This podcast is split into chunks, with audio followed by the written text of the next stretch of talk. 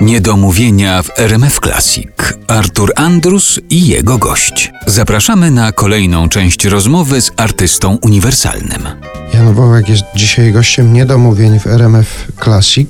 Chciałbym jeszcze wrócić do tej sprawy lobby plastycznego. W tej rozmowie, o której wspominałem, w rozmowie z Januszem Stroblem, padło takie sformułowanie. Janusz powiedział, że jego zdaniem lekcje plastyki przydałyby się każdemu muzykowi, że każdy muzyk w trakcie swojego kształcenia powinien Niektórym się trochę... muzykom się przydały lekcje muzyki.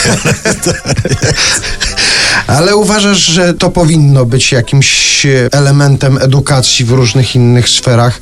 Czy to może się przydać? Czy na szkole podstawowej powinno się zakończyć, a potem jak kogoś poniesie, to proszę Na bardzo. szkole jak nie- podstawowej to się nawet nie zaczyna. Ja chodziłem do szkoły podstawowej, do której później chodził mój syn. Koło szkoły stał taki malutki biały budyneczek. To była pracownia e, Leona Machowskiego, rzeźbiarza, który co roku przychodził do naszej szkoły i chodząc na lekcje plastyki wybierał grupę dzieciaków, które były, jak to się mówi, rokujące. Na poziomie już wyższym uczył podstaw rzeźby, rysunku, trochę malarstwa i tak. Ja byłem w grupie tych dzieciaków. Po śmierci jego, jakież było moje zdumienie, stała se ta pracownia, wszystko było w porządku.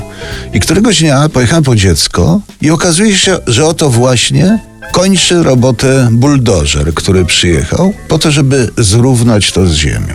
Zastanawiałem się, w czyim interesie i po co zniszczono te pracownie, bo to uroczy, fajny budyneczek. Kiepski interes, jeżeli tylko chodzi o miejsca parkingowe, bo były, byłoby ich tam może ze trzy. Wyobraź sobie, że zamieniono to w trawnik. Koniec. Nie wiem do dzisiaj, o co chodziło. Czy nie prościej wobec faktu, że Akademie Sztuk Pięknych co roku wypluwają grupę młodzieży, która nie wie, co z sobą zrobić. Wziąć młodego, zdolnego y, rzeźbiarza, powiedzieć, proszę pana, ma pan oto pracownię, bo to jest największy problem dla artystów plastyków. Ma pan oto pracownię, ale niech pan pójdzie tropem pana Machowskiego i uczy dzieci w wolnych chwilach, uczy dzieci plastyki. Tym bardziej, że i w szkołach de facto nie ma tej plastyki. Ja uważam, że każdy człowiek, ten, który zajmuje się sztuką, jakąkolwiek sztuką, to powinien z obowiązku mieć rozeznanie w tym, co się dzieje w innych gatunkach sztuki. Żeby nie popaść w taki rodzaj estetycznego nihilizmu, że poza moją sztuką y, nic, się, nic. nic się nie liczy. Nieprawda. Dużo się dzieje, dużo się liczy. Tym bardziej, że de facto jest inne abacadło, ale, ale lepisze jest to samo. Zasada wrażliwości, kontrapunktu, konstrukcji, dramaturgii, takie elementarne pojęcia obowiązują tak samo w jednym, w drugim, jak i w trzecim. No, różni się tylko tworzywo, którym się posługujemy. Na tym się chyba zbudowała potęga takich zjawisk, jak na przykład festiwale sprzed wielu lat. Powiedzmy na przykład Fama, Mhm. gdzie się zjeżdżali artyści różnych dziedzin, byli ze sobą przez tych Miesiąc. no, czy Miesiąc. miesiąc.